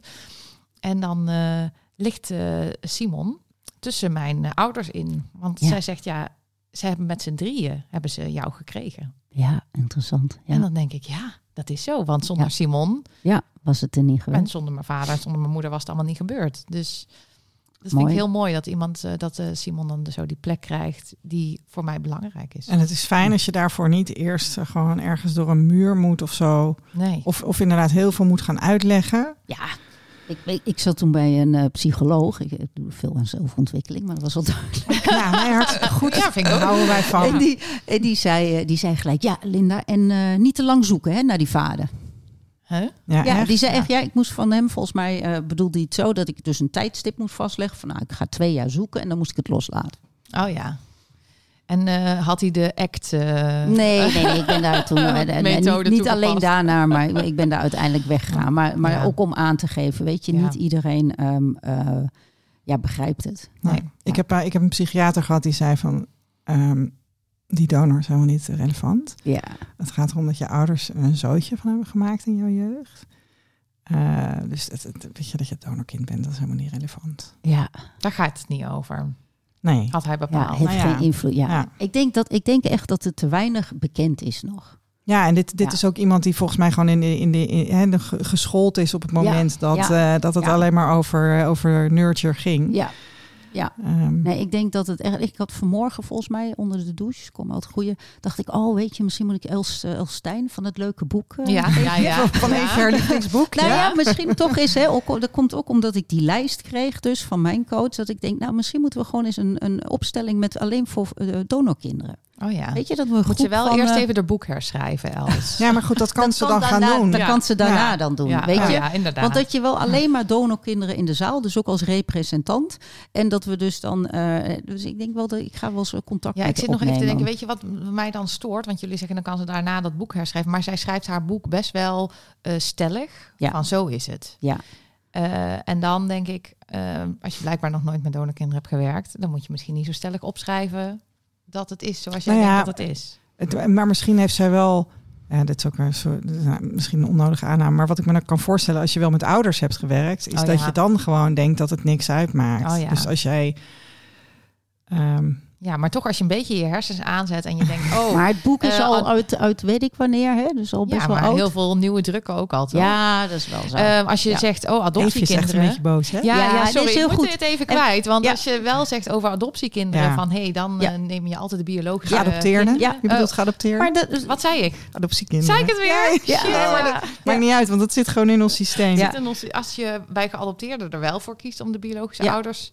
Maar was dat bij ons niet? Stond dat er letterlijk Ja, in? dat donorken erin. niet? Ja. Ja. Oh, want, want eh, ik ging ik ook ga- altijd ga het jou vanuit- dadelijk Toen heb jij het uit, door het raam gegooid, Ja. Ik heb een, Nee, want een ik dacht- ezelsoor omgevouwen. Oh, want En, ik heb het eh, zo onthouden dat het dat juist om de biologische gaat en niet om de opvoed. Want, Ja. want als het bij Ik de ga het jou dadelijk ja, eh, heel laten goed. zien. Ja. Heel goed. Ehm, en verder vind ik het boek dus geen aanrader. Geen- Misschien als het in de vijf, heeft geen wel. vijf sterren bij eventjes boeken. Nul Nee, dat is flauw, maar eh, eentje misschien. Oké, door Maar- naar, Ja. naar Linda. Want weet je, ik was nog zo benieuwd. Hoe kwamen jouw ouders nou van Borne Want In Amsterdam. ja, in Amsterdam, Weet je, ik heb het Met vermoeden... de auto? Ja, op de trein. nou, er zijn, er zijn nog een paar. ehm, ehm, heel vreemd hadden wij altijd een ome Jan. Eh, en die Oh. kenden we. ehm nou, ome Jan leefde eigenlijk een half jaar op de camping in Frankrijk, waar wij ook heen gingen. En, ehm, en dat andere half jaar woonde die bij ons thuis. Nou, en ome Jan was ook heel leuk en aardig. Dus we hebben ook wel eens een tijdje gedacht van... Goh, zou het niet ome Jan zijn? Want het is natuurlijk vrij... Als, ik vond dat heel normaal, maar als je dat dan bij een psycholoog vertelt... vinden ze het heel vreemd dat er een vreemde man bij jou een half jaar in jouw huis woont. Komt niet heel vaak voor. Nee. Oh, hij was geen familie. Nee, nee, nee, het was gewoon ome Jan van de camping. Dus, dus, ehm, maar goed, voor mij was dat heel normaal. En hij, hij was bang voor het cookie monster, dus dat vond ik ook super interessant. En hij kon heel mooi vertellen. Eh, maar ome Jan kwam uit Amsterdam. En mijn eh, opa eh, komt ook uit Amsterdam. Dus mijn moeders vader is een Amsterdammer. Ehm, en misschien wel geheimhouding als je in Almelo in het ziekenhuis gaat... dat je denkt, Oh, oeh, ja. dat is eng. Dus dat zou, zou kunnen. Ja, Het gebeurde ook nog niet ons. overal hè, toen. Bedoel, dit dat is dit is eind jaren 60, Ja. begin jaren Ja. 70. Toen was Ja. het gewoon eh Levi, Swaap. Moest je er nog ver voor reizen. Ja. Ja, dat is Ja. volgens mij wel... Ja, ehm, Maar ik heb het vermoeden, maar dat komt omdat ik nog geen halfjes of kwartjes of wat dan ook gevonden heb. eh, dat ze misschien ook wel, daar zie ik ze voor aan meer betaald hebben, zodat het echt alleen maar mijn zus en mij is. Maar geen idee of dokter als Swaap dat had gekund, hadden mijn ouders dat ook gedaan. Echt. Ja. Die wilde ook een Ja. uniek kind. Ja, de- Ja? Die Maar deden de- ook alsof dit iets heel elitairs was. Ja, maar hebben de- ze het mij verteld. Dat was Ja. echt heel bijzonder dat zij dat Ja. zij konden dit. Nou ja, Ja. dat, nou ja, dat, dat, dat, denk ik dan wel eens. Dat, dat, dat ze dan extra, omdat je Ja. zoveel hoort dat het niet dezelfde is. Zus en, en dan ik zei zijn... Swaap misschien, oh dat is Ja. goed. En eh, deed je iets anders. Nou, Ja. In het begin heb ik jou ook een foto gestuurd van die dochter van Swaap. Ik denk, nou, daar lijk ik echt op. Ja, Daar lijk ik op. ja. En nee, maar dat is, zus ook, dat is een hele, hier, dat is een eh, hele ja, natuurlijke toen, ja. reactie. Ja. Hè? Ik heb ook gedacht dat Dick Swaap mijn broer was. Ja, tuurlijk. Dit hebben heel Ja. veel mensen inderdaad. Dit is, en zeker met, met, met die artsen in het nieuws Ja. nog eens erbovenop, weet je wel. Maar ook toen Ja. dat niet zo was, Ja, was gebeurt dit ook al. een, maar een misschien soort ben ik net die ene uitzondering. Want ik had best een mooie moeder, dus ja, wie weet. Nee, dat- ehm, er, staat, eh, er staat wel familie van Swaap in de databanken. Oh, dus, wel? Dus dan, Oh, dan oh, hadden we jou daaraan Oh, kunnen gelukkig. verbinden. Oh, ja, dus- maar dat is dus Ja. dat is niet. we- we- Nee. nee. dat is Oh. niet zo. Maar hij was wel, volgens mij is, was het Het is wel een intelligente hè, man. Die je in deze zeker. podcast Ja, nu doet. Ja, Swaap nee, is niet je nee, donorvader. nee, nee, nee. En je zus en jij, zijn jullie van dezelfde? Ja, we zijn van dezelfde. Want mijn nichtje, de dochter... Ja, heel. Ja, want mijn, eh, de, de dochter van mijn zus staat erin. En daar heb ik eh 15 of 1700 mee. Oké. Ja. Dus dat is dan... eh, ja, dus wij zijn volledige zussen, ja. Want eh, dat komt bij Swaap ook niet altijd vaak voor, toch? Nee, dat is uitzonderlijk. Ja, Ja, nou ja, dat, er zijn denk drie, ik... Nou, drie stelletjes nu of zo. Dus dan kom ik toch weer eh, terug bij mijn betaaltheorie. Ja, Ja, ja. of, of, hij, ja, of hij had gewoon niet zo heel veel donoren. En, Ja. eh, en, Ja. en deze man kon toevallig eh, toen jouw moeder de ijsprong Ja. had. Ja, is wel heel toevallig inderdaad. Ja. Drie jaar. ja en dan ook drie jaar ertussen. ertussen. Ja. Ja, maar er zijn donoren die hebben. Er zijn donoren die heel lang gedoneerd hebben. Ja, je weet het Maar, niet. maar ik heb helemaal nul nog. Eh, Ja. je, dan denk ik, dan zouden er toch eh, halfjes ergens moeten Ja. zijn. Ja, maar ik heb er ook maar één. Wat is Ja. nou één? Ik heb We hebben bij Swaap heel veel Eén met, ei met, is geen met, met, misschien Ja. één of niks. Oké, En een paar, gro- paar groepen. Echt. ik wil zo graag een broertje. Ja, dat, oh, dat Ja? kan. wel. Dat lijkt me zo En zus heb je al. Ja, ja, ja. Ja, ja nee, een broertje Ja. lijkt me wel heel Oh, wat leuk. Ja, Oh, ja. we hadden het net Ja. even over mijn broertje. Ja, maar ik ja. kan je vertellen, een Ja. broer is heel leuk ja, hoor. ja, dat lijkt me heel leuk. Ik wilde als kind, Ja. zei ik altijd tegen mijn ouders, dat ik wilde graag een oudere broer. Maar dat lukt op zich niet als je er al bent. Ja. Maar toch wel, Ja, want ik ja. heb een oudere broer. Alsof je het wist. Ja, hoe leuk.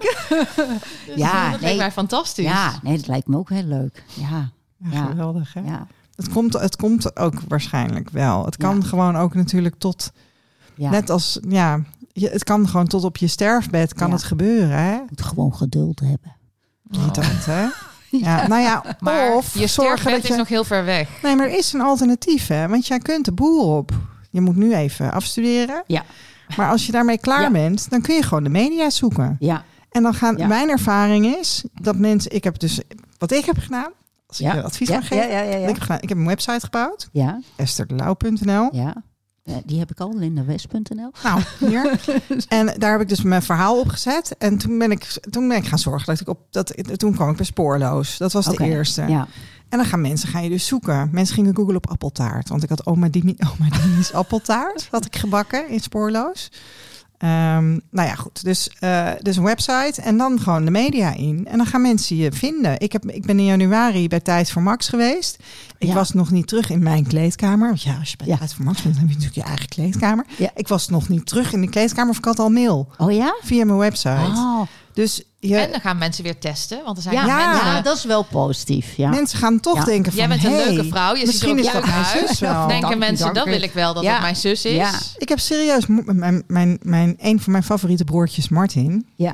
Ik weet dat je luistert. Hartjes in de ogen, jongens. Ja, ja, ja, ja, ja. Niet, maar hartjes in de ogen. ja, ja, de Ja. liefde straalt er vanaf. Dat zien wij. dat, is, dat, dat, dat, dat klopt. En hij zegt dat ik ben toch je liefste broertje. Maar ja, dat kan natuurlijk niet. Hè? Dat kan ik niet in de podcast zeggen natuurlijk. Nee. Maar je hebt er ook ja, precies. Nee, Martin die heeft het dus die, die heeft ook spoorloos gezien. En die Oh. heeft er vervolgens drie jaar over gedaan om test te doen. En die zei van de week tegen mij dat hij misschien toch eigenlijk wel eerder had willen testen. Oh.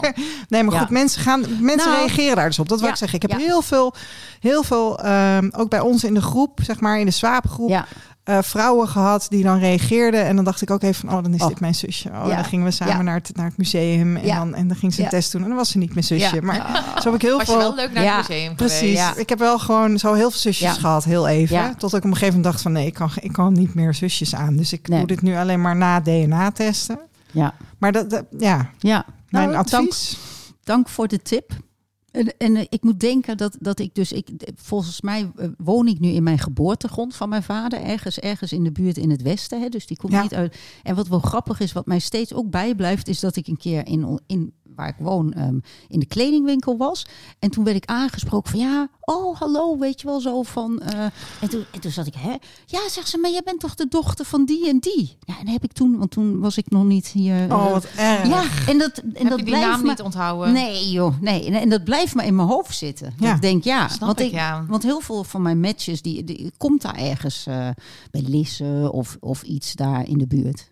En loop jij ook over straat of in de winkel of in het Ja, café of in loop- de supermarkt? Ja, ik loop soms wel eens over straat even. En, en denk jij dan ook, zou, zou dat hem zijn? Of Ja. heb je dat niet? Ja, ja ik, ik zit natuurlijk, ik ben vooral gefocust op de neus. Hè, dat ik, eh, waar was ik nou laatst? Alle oude mannen Ja, met. eh, zit met ik alleen maar op de neus. te kijken. Ja, ja, Ja. ja. Nee, daar ben ik wel op. eh, soms heb ik van die dagen en dan zit ik ook iedereen te kijken van, goh, wat voor neus heeft die nou? En als die nou een beetje jou of de oude neus van je zus heeft, dan Ja. zeg je, wilt u misschien een testje doen? Want Ja. misschien bent u wel mijn vader. Ja, ja, ja, ik weet niet of ik dat zou zeggen. Ja. Nee, ik zou dat Ja. ook niet zeggen. Weet je Wel een trouwens, leuk fantasietje. Weet je wat ik ook grappig vind als je over die testjes, dat ik dit verhaal dan wel eens vertel en dan, ehm, en dan, eh, en dan zeggen mensen van ja nee, maar ik weet zeker dat mijn vader Oh, mijn ja. vader is. En dan moet ik altijd zo lachen. En dan denk ik, en dat zeggen ze dan met zo'n heel veel, hele overtuiging. En dan denk ik, nou dat weet je helemaal niet zeker. Dat weet je pas als, eh, nou ja, als je een test doet. Ja, en, dan, precies. en dan zie je ze soms wel een beetje kijken, maar de meesten zijn zo overtuigd. Mhm. Het is zo grappig. Ja. Vind ik echt Wel heel grappig. Fijn. Wel fijn dat je dus niet twijfelt. Dat lijkt me wel fijn. Maar ja, maar je hebt helemaal geen zekerheid. Nee, natuurlijk niet. Nee. En, die, en, maar, maar men- heel veel mensen willen dat toch ook gewoon verder niet weten. Nee. Maar ik geloof dus wel dat als je wel twijfelt, dan, volgens mij is dat dan niet voor niks. Nee, want het was eh, bij, bij laatst ook was het Vera die ook zo- toch ook al eh, die dat toen zag en toen dacht ze ja dat dat is het dat ze dat altijd ja, al ze wist. wist het meteen. Ja. Ja. Ja. Ja, zij had een ervaring waarbij ze als kind bij de dokter was geweest met haar ouders. En Oh, toen ja, heeft de huisarts het één keer gezegd. En, Ah, dat was en toen was ze twee of zo, dus dat Ja. kan ze niet meer weten. Maar ze heeft Ja. altijd het gevoel gehad, er is iets wat ik vergeten ben, oh, wat ertoe doet. En Ja. dat, dat, dat was, ja. ja En ik, ik, ja, ik geloof Ja. ook wel dat het Ja. zo werkt. zeker. Ja, Ja. kinderen nemen veel meer waar dan, Ja. we, dan we denken hoor. Ja. Ik heb zelf het idee dat, het- dat, dat omdat het zo rommelde, zeg maar, in mijn jeugd. En, en, en, en ook vooral na de scheiding van mijn ouders, dat ik. Ja, dit had ik niet bedacht. Weet je, er was Nee. te veel ruis. Mhm. Ja. Dat heb ik Ja. maar. Ja. Ja. Nou, dat, dat, dat, daar kan ik me ook wel in vinden, weet je. Bij, mij, eh, eh, bij ons was het ook, eh, nou ja, onveilig. Niet dat er dan echt, eh, nou ja, in mijn geval niet geslagen werd, maar ehm, dat je daar dus zo aan het overleven bent, dat je helemaal niet die antennes de ruimte kunt geven om dit waar te nemen. Nee. En, eh, ja, en ik zou ook als interessant. eh, volgens mij zijn er ook donorkinderen die niet bij een psycholoog eh, zijn geweest. Ja, Ja, in grote getalen. Ja. Oh, ik dacht eigenlijk dat het ook wel een soort. eh, Maar het zijn heel veel mensen die bij- natuurlijk in een soort... ehm, eh, je hebt de, de blije donorkinderen. ja, Dus daar is niks aan de hand. Dan heb je de ontkenners. ja, ehm, waar mijn zuster bijvoorbeeld een van is. Die zegt, ja, als het over donorkinderen gaat, zegt ze... Ja, maar even gaat het over jou. Ik weet niet. Zij is er ook een. Maar Ja. volgens haar gaat het dan Ja. over mij en niet over Ja. haar. Ja. Ehm, ja, hoe, ja, dan hoef je niet naar de psycholoog. Als je, denkt, als je gaat zeggen dat het niet over jou gaat, toch? nee. Ja. Maar dat is natuurlijk ook gewoon bij de niet-donorwereld zo. Ja, ik, Je hebt de ontkenners en mensen Ja. die op, op zoek gaan. Ja. en Ik denk dat jij heel snel, eh, heel snel stappen hebt genomen, zeg maar. Ik heb ook, ik heb het in 2001 gehoord. En toen heb ik ook gewoon jarenlang gezegd van, nee, maar eh, ik was er wel open over. Dus ik vertelde Ja. aan mensen van, ik ben van Ja. een donor. En zei ze, oh, dan wil je dan weten wie het is? Ja. Zei ik, nee, ik heb een vader. Ja, En dat heb ik ook heel lang gedacht, totdat er eh, die Vium KID DNA databank werd opgericht. En toen was er een soort van... ehm, want ik denk ook dat, dat dit, dit is ook een overlevingsmechanisme. Als je toch weet dat je het niet gaat vinden, weet je, Mhm, kan je ook ja. maar beter niet gaan zoeken. Nee, en dat is ook de overtuiging bij heel Ja. veel mensen. Dat ze denken van, joh, ik ga, weet je, Ja. die man was anoniem, die kan ik Ja. nooit vinden. nog een teleurstelling moet je Dus- dan verwerken. dus Ja. dat, en Ja. dat is ook volgens mij de reden dat meer vrouwen op zoek gaan dan mannen. Mannen. Ja. Want het- ja, het risico op een mislukking is gewoon eh, reëel, zeg maar. Ja. Dat je, of dat je je neus stoot, of dat iemand niks met je wil. Of dan kun je maar Ja. beter gewoon Ja. daar helemaal niks mee doen. Ja. En doen alsof je het niet wil weten. Dan, eh, Ja, en dat, en- maar dan, daar ben je dan ook van overtuigd, geloof Ja. ik ook wel. Ja. Dat is, en dat is natuurlijk, dat is ook oké. Ik bedoel, ja.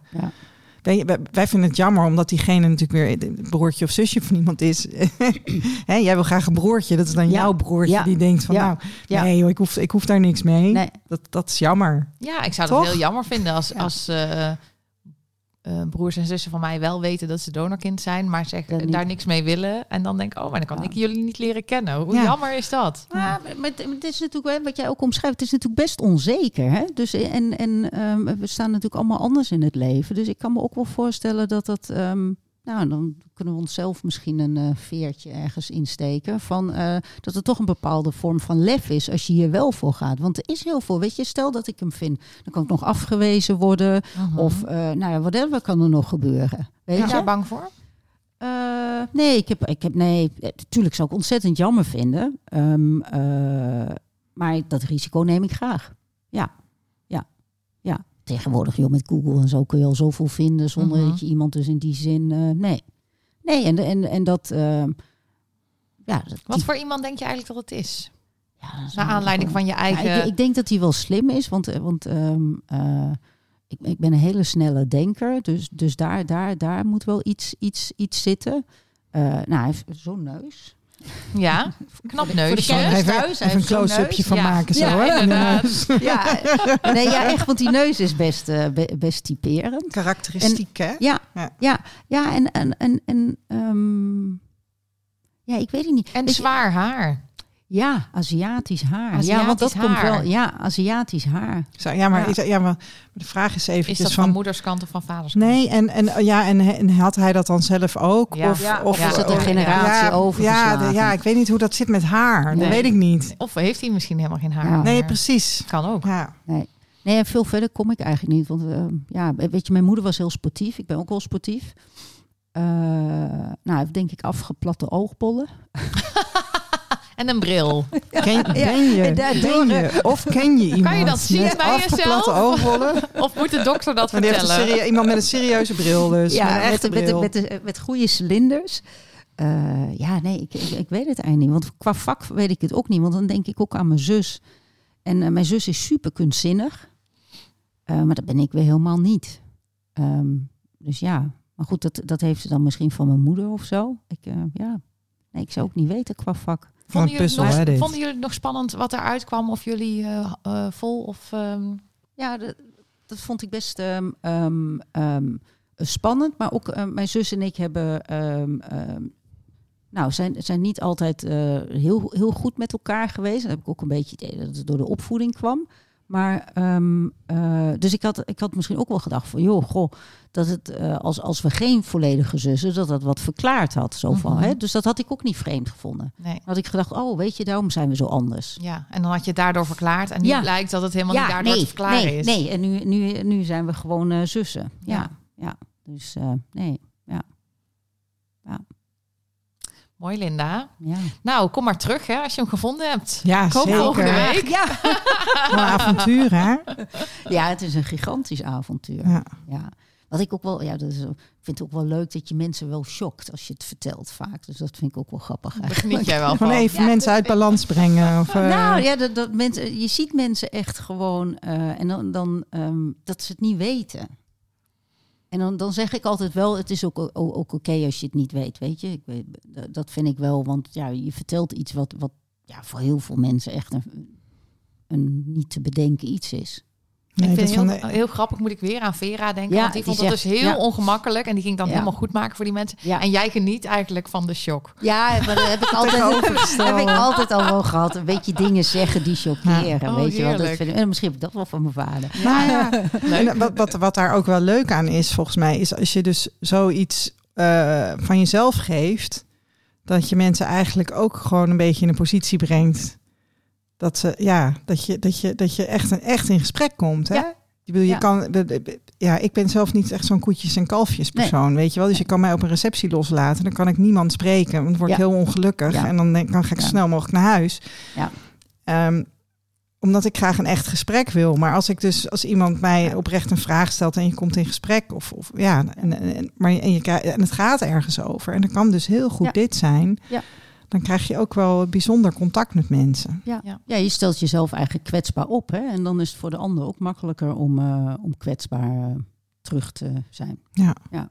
Ja, en je hoort dan ook wel heel veel verhalen hoor. Van mensen die dus dan zeggen, oh ja, zoals gisteren ook van, oh ja, nee, mijn zus en eh, of mijn schoonzus en dit. En ja, dan hoor je nog Ja. wat. Dat je therapeut drie eh donorkinderen heeft. Ja, Ja, precies. bizar toch? En Ja. eentje was van Louis. Ja, En die studeerde nu in Amsterdam, dus die, eh, die had daar ook allemaal connecties nou. ja. Ja, Nou, dat is een bijzondere groep om. ja. en dat waren twee horen. vrouwen zijn dat. Zij, ze, zij was, eh, ze had een vrouw, eh, Ja. twee vrouwen. Maar het is wel grappig. Het is ook de vraag of het toeval is. Want ik had op een gegeven moment eh, in mijn werk als vertrouwenspersoon...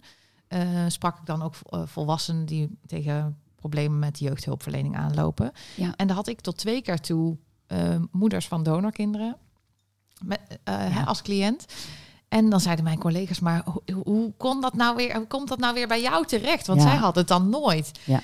Ja, weet ik ook niet precies in hoeverre dat dan toeval is. Of dat dan het, het, het of heelal dat ik is. het Of, doorvraag eh, als ik bepaalde dingen hoor, dat Ja. ik denk, maar hoe zit dat dan precies? Ja. Dat zou ook nog kunnen, hè? dat zij dan Ja. niet horen wat ik hoor. Ja. Ja, ik zeg altijd, toeval bestaat niet. Maar ja, en wat, welke krachten het dan wel zijn, eh, Weet ik ook niet. weet ik ook niet. Maar het is wel, eh, ja. Ja. Linda, heb je alles gedeeld wat je met ons wilde delen vandaag? Nee, nee, ik heb nog Oh. één, één ding. Oh, leuk, want, leuk. want jullie laatst eh, hadden, hadden jullie over namen en eh, hoe je, hoe je Oh, ja. donorkind. En, Ja. en, en ik ben een A-log. Een wat? Nee, een, eh, nee, ook zeg het verkeerd, een O-lach. Een olag. Een olag? Een O-lach. Wij zijn allemaal O-lachen. Wat is een olag? Ik zit, ik, zit, ik zit heel eventjes, Ja. ik laat even kraken. O-L-A-G.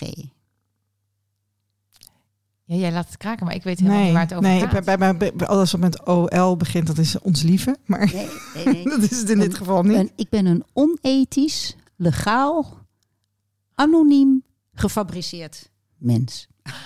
Oh, maar de M... Een olagmens. Olach. Oh, de olagmens. Ja, Oh. net, olachmens. net, net als een IO, hè, arts in opleiding. Ik dacht dat jij het had over de achternamen, maar het Nee, gaat over nee, hoe over we de- donorkinderen Ja, moeten noemen. Ja, ik vond het wel leuk. Want wat vond jij van gedoneerden? Eh, nou, dat, dat, vond ik, ehm, dat vond ik zo positief. Weet je, want als je doneert voor het goede doel, dan doe je zoiets goeds. En dan denk ik, ja, ik vind dat gedoneerd, vind, ik vind het niet zo positief. het is niet helemaal het goede frame dan. Nee, maar dat is mijn associatie die ik ermee heb. Ja, Oh ja, dus- en terwijl het bij mij juist heel erg raakt van dat je inderdaad... Ja, iets doneren is goed, maar moet je nou je kind weggeven? Oh ja, zo. Ja. Ehm, nou, Dus een gedoneerd mens is dan misschien helemaal niet zo eh, positief. Maar we gaan het hier nog over hebben. Ja, hè? Dit is dan meteen een teaser voor, eh, Nou, Oh, het is nee, die, die- daar hebben we het al over gehad. Hier hebben we het al over hier gehad. het over. Maar leuk Ja. Linda, om jou daarover te horen. Nee, we, we, eh, we hebben een heel, heel mooi voicebericht van, van een taalkundige die hier Oh, eh, oh, haar gaaf. licht over laat dat is schijnen. dus dat, oh, leuk. ja. Dus ja. dat komt. eh, Ja. Oh ja, en, en ik heb nog één vraagje over de show notes. Want die worden heel vaak genoemd. En toen dacht ik voordat ik hierheen ging, ja. Maar het is niet, was mijn, totdat ik echt ging zoeken waar die dan stonden. Dat vind ik een hele goede vraag. Is Ja. ook goed voor in de podcast, want dan Ja. kunnen we het aan Ja. de mensen Ja. vertellen. Het staat eigenlijk in het verhaaltje waarin we dus omschrijven van waar we het over gaan hebben. En daaronder, als er links te delen zijn, zetten we die daaronder in. Maar, maar waar staat dat verhaaltje? Op de website of zo? Bijvoorbeeld eh, als je luistert via eh, Soundcloud staat het daar. Of als je via de iTunes podcast luistert staat het daar. via de Google Spotify podcast. Spotify ook. Oh, dat kon je niet vinden. maar even Linda, ja, ik weet niet, eh, ik moet zeggen dat wij dat in het begin niet altijd helemaal trouw hebben gedaan. Dan stonden ze ook vaak op de website. eh www. Ze staan sowieso altijd op de website. Ja.